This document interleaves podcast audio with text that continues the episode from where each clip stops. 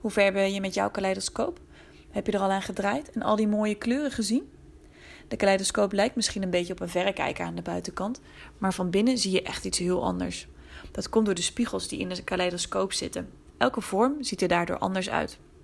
Een driehoek is ineens geen driehoek meer. Dat komt doordat je de driehoek in een spiegel ziet en die zie je ook weer in een spiegel. Je ogen en je hersenen maken hier patronen van. En als je er dan aan draait, verschuift alles weer en zie je weer een nieuw patroon.